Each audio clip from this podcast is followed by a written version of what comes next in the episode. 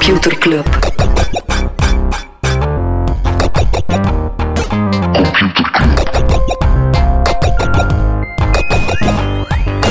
Computer Club. Hey Smolly, Hey Freddy, welkom. Welkom terug. welkom. Welkom bij Computer Club, een wekelijkse podcast over technologie.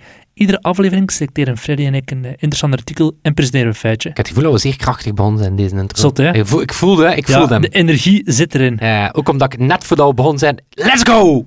Heb geroepen. Maar niet geroepen. eigenlijk Zoals Sergio gezegd, zou gedaan hebben. Freddy, hebben we nieuws dat we niet gaan aanhalen in de podcast? Ja, het- ik ik vind zo een week eh, weinig, weinig grote nieuwsitems, veel kleine nieuwsitems. Oké, Eh, shoot.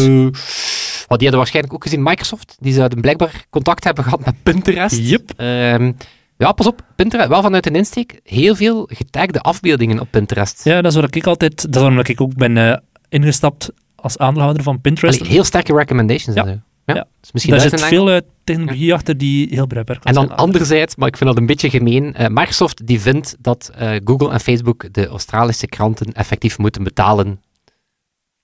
Ja, we hebben het erin gehad. Ja, het is zo een, een aanhoudend... afleveringen geleden ja, of zo. Google tegen haar zetten. Ja. Eh, ook interessant, die blijkbaar willen die nu, nee, of willen ze, ze willen 10% van de advertentieomzet van Facebook en Google, 10%, dat is, Dat is waanzin. Eh, omdat ze schatten dat 10% van de trafiek richting nieuws gaat. Ja, dat is hoe dat, dat werkt. Inderdaad. Je kunt niet schatten en dan zeggen, ah, ik wil En dan komt de 10% van- porno-sites morgen, eh, wij pakken 90% van, Van de het internet. traffic. Ja, het is dat. Google heeft trouwens een boete gekregen in Frankrijk van 1,1 miljoen euro, omdat ze een eh, misleidend sterrensysteem voor de hotels hadden. Dus ja, de hotels, je hebt officiële instanties die zeggen je bent een 3-ster hotel, 4-ster hotel, 5-ster hotel. En Google heeft uiteraard zelf zo'n systeem, de mensen raten. En je kan een beetje growth hacken. Als je al die vrienden vraagt om jou 5 sterren te geven, dan ben je plots een 5-ster hotel. En hotels in Frankrijk die zeiden dat klopt niet, dat is misleidend. En de rechter heeft gezegd dat is effectief zo, eh, Google moet betalen aan de hotels. Oeh, over reviews gesproken. eh onderzoeksjournalist, ik ben even de naam kwijt voor welk magazine dat hij werkte. Onderzoek gedaan naar valse reviews op eh, Amazon. Kosten tot 5 dollar per stuk. Mhm. Lucratief handeltje. Amai. Valse reviews op eh, Amazon. Zot. Ja. Wat dat ook 5 dollar, nee, wat dat 50.000 dollar waard is, is de bitcoin. Hopla. Voor het eerst in de geschiedenis. Ja. Erover gesprongen, over de lat. Ja, ik heb zo één eter. Maar echt Ja, zo, ik ja, heb die zo jaren geleden gekocht. En ik, 1400 euro ik dacht toen inderdaad van, shit, ik ben te laat ingestapt. Zo, ik dat zo, wat, wat ik toen wel gelukkig gezegd van, ik doe het echt voor de lange termijn. En inderdaad zo, het is wel fun om nu te zien van, ah ja, bon. Dat is nu 1400 Slapend euro of zo. Ja, Ja. Maar ik kan dat gewoon laten, ja. tuurlijk. Ja. Ik ben begonnen met 300 euro en dat is nu zie, 8000 euro of zo. Laat ermee dat hij met die gouden, met die gouden micro voor mij zit. Ah, Parler is terug online. Ja. Eh, het enige nadeel is, alles wat erop stond is verdwenen. Dus het is een volledig lege doos.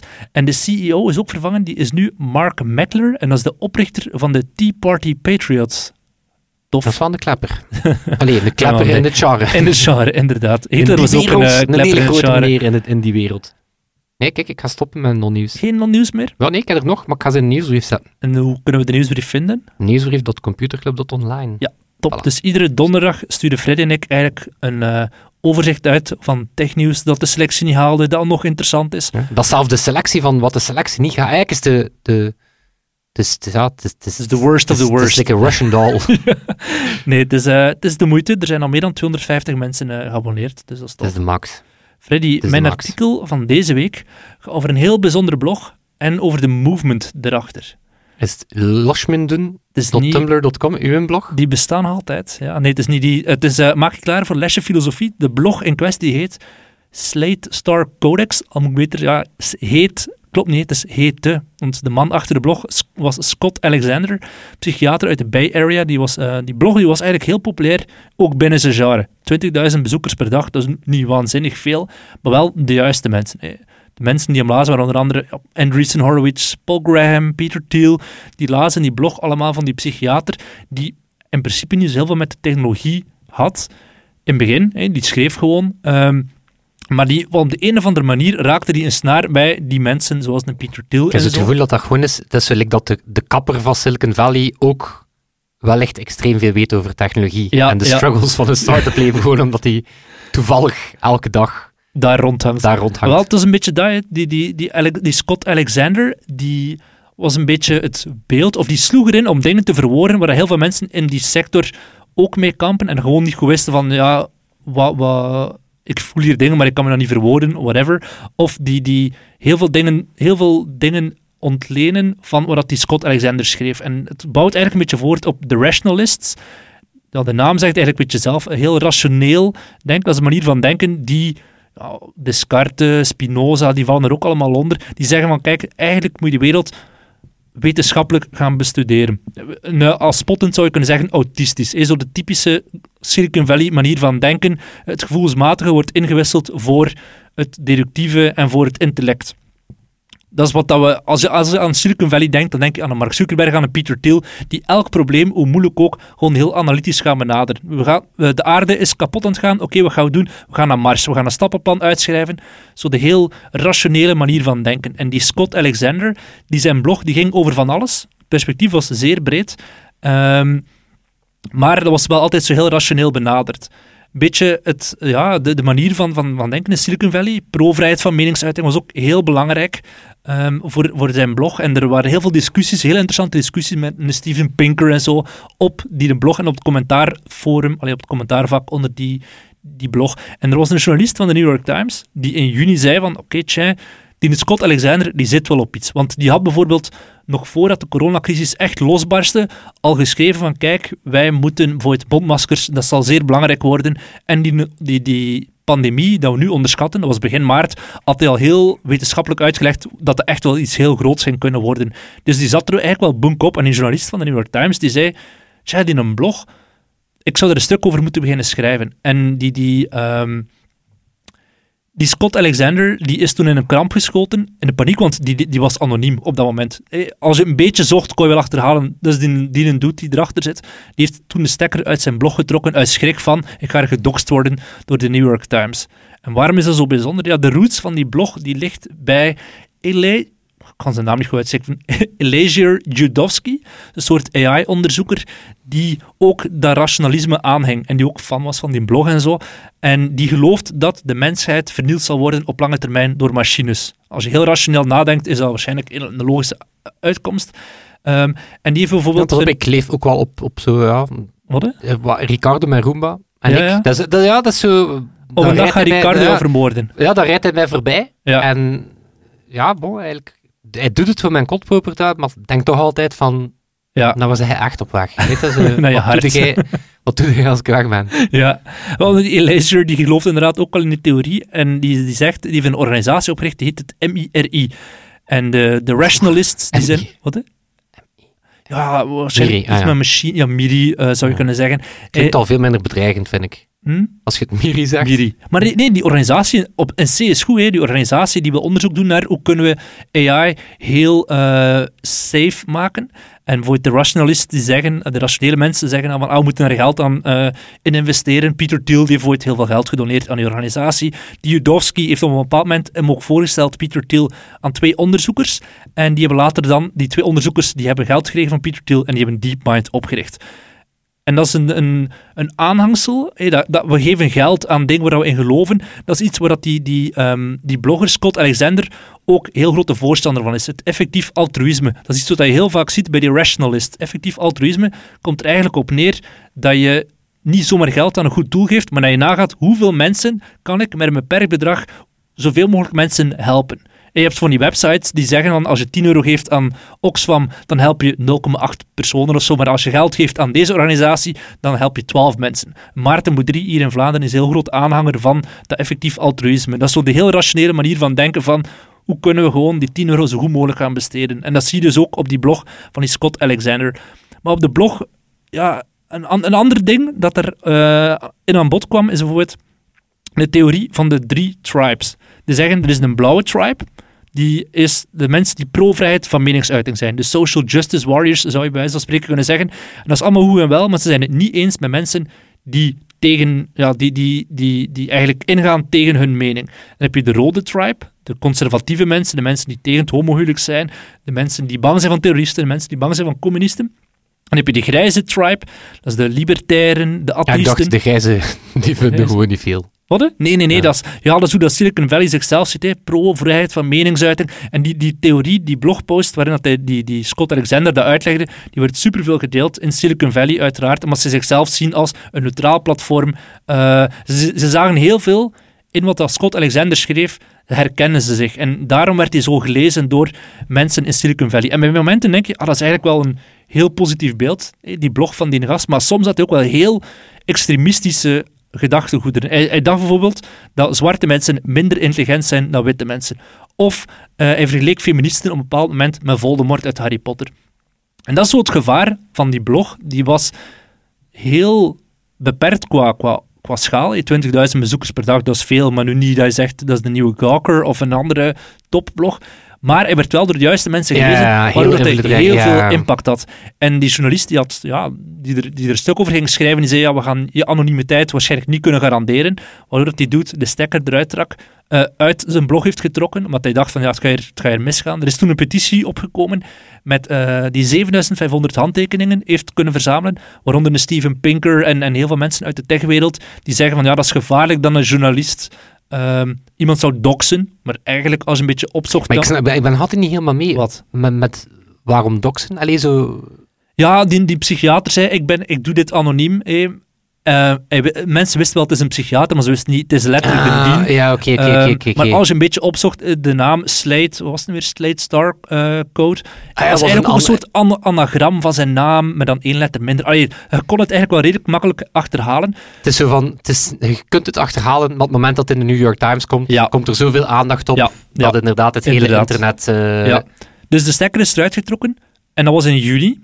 En nu is hij een tech-nieuwsbrief begonnen met de steun van Andreessen Horowitz op Substack. En heeft hij al vanaf het begin... Mark Andreessen of Ben Horowitz? I don't know. Andreessen Horowitz, gewoon de... Twee personen, is man. Ja, ja, I know, maar de company... Ah ja, oké, de company. Ja, ja, ik dacht company, dat, dat hij van een van beide... Nee, nee, nee, nee. nee. Van, nee, nee met, met hun steun, hij zou 250.000 dollar gekregen hebben. En die heet de Astral, Astral Codex 10, dus ook een soort anagram. En heeft zijn eerste post al meteen zijn volledige naam uh, bekendgemaakt. En nu heeft de New York Times dat stuk dus gepubliceerd, omdat ze toen in juni hebben benaderd, heeft hij de stekker uitgetrokken uit angst van shit, ze gaan mijn naam hier bekendmaken. En nu dat hij zelf de lead heeft genomen, heeft de New York Times alsnog dat stuk gepubliceerd. Uh, toen me een beetje denken dat rationalisme, ja? heb je ooit over objectivisme gehoord? Uh, over, van Ayn Rand? Nee. Ja, ja, tuurlijk. Ja, ja. dat is, dat is zo de, de Fountain... Uh, ja, de Fountainhead, Atlas. Shrugged, is... Ja, dat is nog zo'n idool van onder mhm. andere Elon Musk. Maar ik denk dat dat wel nog een pak verder gaat. Dat, dat zegt echt dat het, het hoogste streven is. Dat, is eigenlijk een roemzang op egoïsme. Mhm. Dat zegt eigenlijk van het, het allerbelangrijkste is voor je eigen uh, vooruitgang gaan. En echt zo heel veel focus op uh, productiviteit en succes in het zakenleven. En, het is zo, uh, en onder andere inderdaad Elon, onder andere Elon Musk is daar serieus, zit daar serieus aan de Kool-Aid. Ja. Uh, ooit, ja, ik ben nu een beetje kort het bocht, ook iets documentaire gezien, dat dat ook iemand is die um, ja, eigenlijk door... In Rand? ja, in Rand, die eigenlijk al lang verguisd is door, door ja, echte filosofen, mm -hmm. of waar dat je toch meteen de zeebel doorprikt. Maar dat is een figuur die om de zoveel tijd in Silicon Valley de kop terug opsteekt. Omdat als er natuurlijk één ding is waar dat die tech bros fan van zijn, dan is het een spiegel die zegt hoe awesome ja, ja. dat ze zijn. En maar als je daar echt wat onderzoek naar gaat doen, naast dat rationalisme, is bijvoorbeeld ook ja, neo-reactionaire mensen die zeggen van democratie was een, was een mislukking. We moeten terug naar de, ja, zij noemen het zelf de dark enlightenment, eh, terug naar de soort aristocratie gaan die de boel bestuurt. Dus, maar Smolly, met al die, al die zotte woorden hier, ik heb het gevoel dat we een, een filosofie-podcast dat we een monocle moeten kopen en vanaf nu gewoon in een cognac leren salon deze podcast moeten voeren. drinken? moeten voeren. Of, of een beetje ik ga meteen zeggen, Ik ga meteen zeggen waar dat we het moeten voeren. Maar eerst computerklas. Oké, ik ga je een beetje feitjes... Uh, ga een jingle knallen. Ja. Computerklas. Ik heb voor u, lieve Smolly, uh, een toffe categorie. Bizarre, bizarre statistieken. Allee, bizarre metrics. Het is te zeggen, een manier om de statistiek uit te drukken dat initieel wat raar klinkt, maar eigenlijk ook vrij logisch is. Dat is oké, dat is een super abstracte intro. Um, nee, gewoon manieren dat je iets kan uitdrukken waarvan dat je niet meteen zou denken van, ah, is dat de manier dat je dat uitdrukt? Maar eens dat je het door hebt, dan denk je, ah ja, oké, ik ga het gewoon zeggen. Ja. Binnen zelfrijdende wagens, binnen autonome, uh, binnen AV's, mm uh, wordt er wel eens gesproken van het aantal kilometers zonder tussenkomst van de testchauffeur. Dat is hoe dat je uitdrukt hoe efficiënt maar ja, als je op een rechte strook rijdt, is het toch Oké, maar ga door, ga door. Eh, voilà, voilà. Maar oké, inderdaad, ik weet nu ook niet Hoe dat eh, dat wat, dat dan, wat dat Ja. dan telt. Eh, maar bijvoorbeeld super interessant, in 2020 waren er al minder kilometers afgelegd dan in 2019, door, de, door de COVID wellicht. Ehm, Wellicht, ja. ja, maar dus op kop Waymo van, Ja. van, van Alphabet Groep, eh, die heeft in totaal meer dan een miljoen kilometer erop zitten op de teller. En eenmaal om de 48.000 kilometer moet er, een, Iemand eh, moet er, moet er iemand ingrijpen. Amai, Dus dat is al knap. dat is al heel veel. Op de tweede plaats Cruise van eh, GM, waar dan Microsoft recent in geïnvesteerd heeft. Eh, 1,2 miljoen kilometer en één, één keer om de 45.000 kilometer. ja. Dat kan niet verkeerd.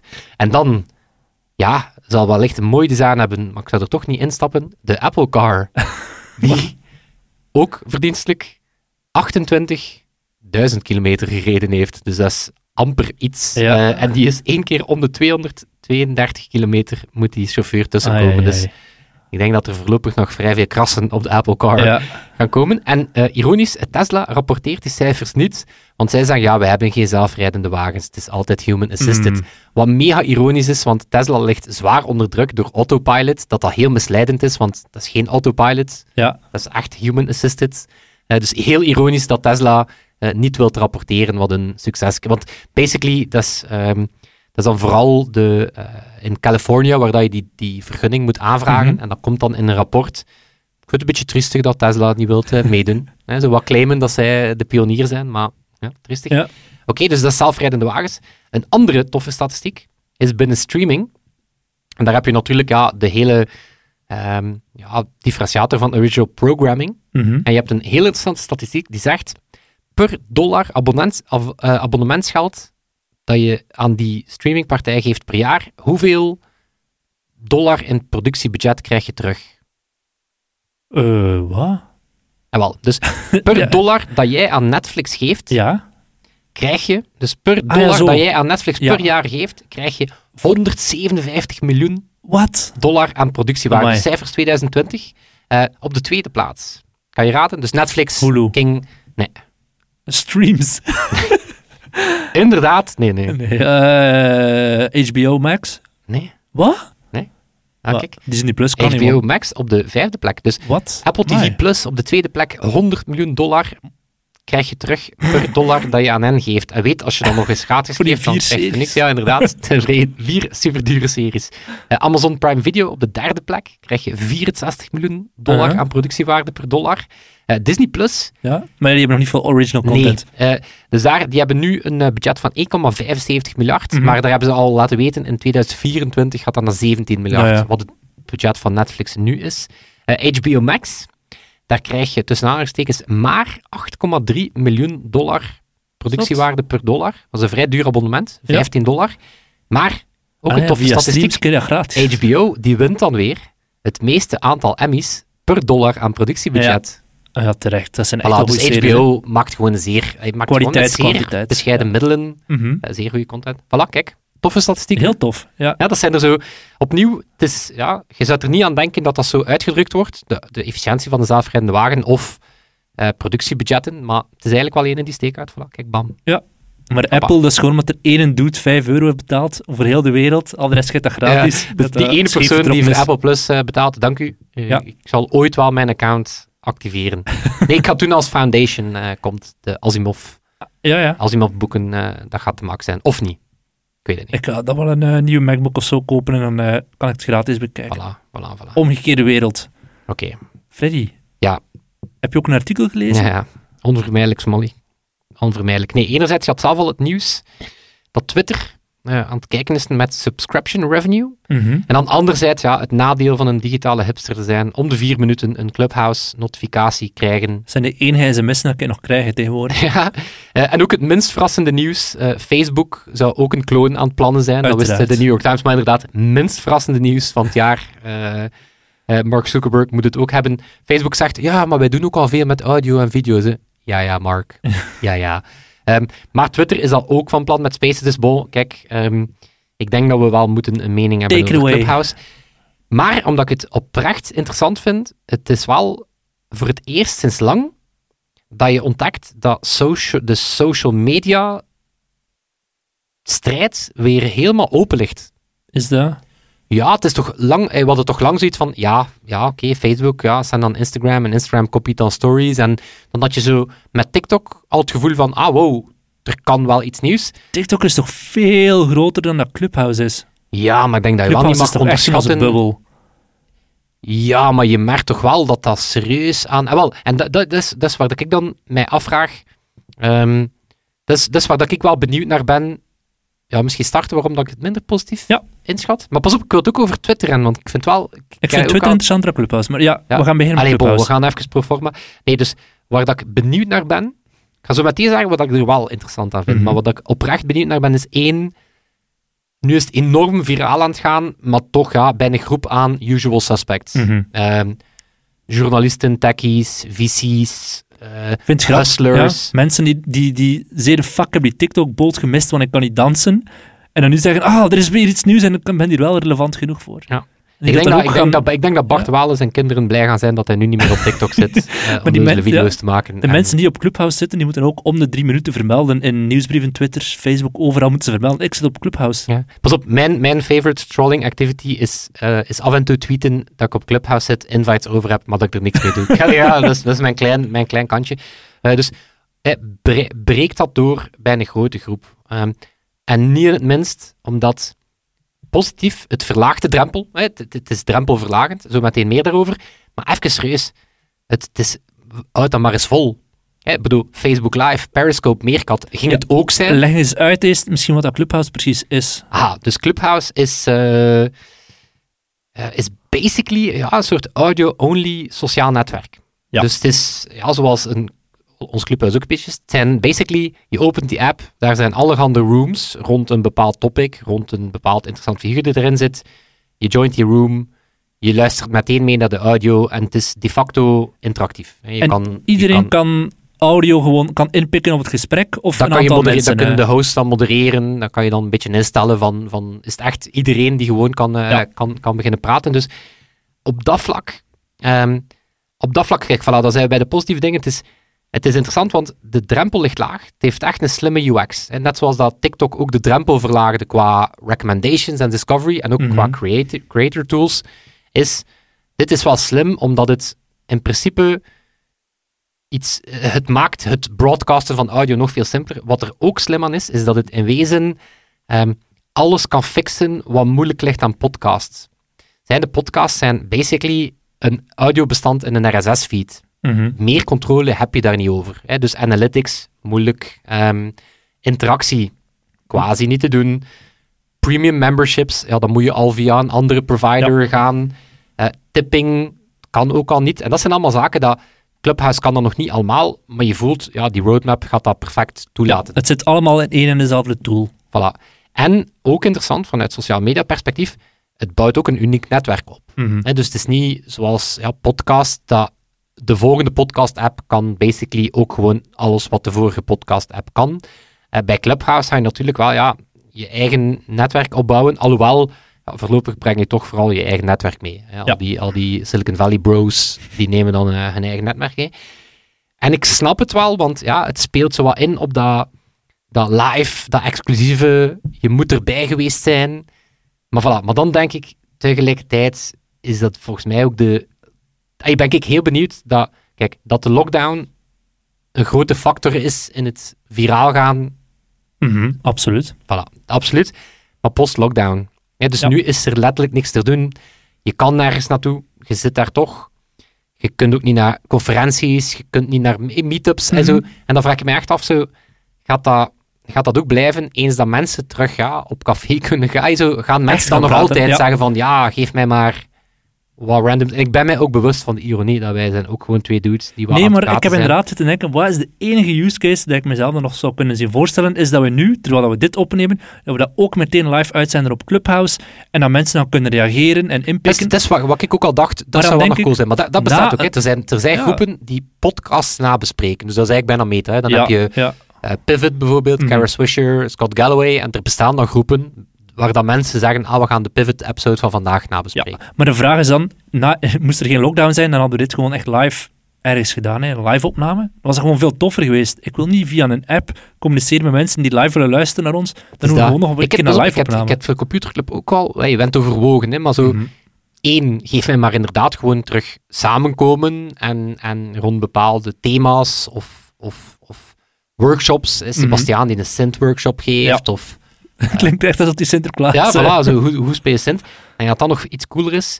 Ehm, of, of inderdaad dat je zegt, kijk, weet je, we gaan echt inspelen op iets Actua. Hey, voor Actua is het wel interessant. Stel, Elon Musk sterft. voilà, en dan ga je inderdaad zeggen, dan ga je de grootste Musk-heads en Musk-tegenstanders uitnodigen. Allee, ik zou het dan eerder doen vanuit een, we, wij praten niet meer te veel, want dat doen we al elke Mhm. week, eh, een half uur. Maar we zoeken dan de juiste expert. Ja. Oh, er is iets gebeurd op vlak van cybersecurity. Kom, we trekken er Ja, Nathalie, Varaan. Varaan dan, Voilà, ja. en zo. Maar tegelijkertijd, op dit, op dit moment is het iOS only. Dus ik vind het een beetje asociaal naar, Mhm. naar jou toe, bijvoorbeeld. Hè, maar dus, en tegelijkertijd, ja, zo.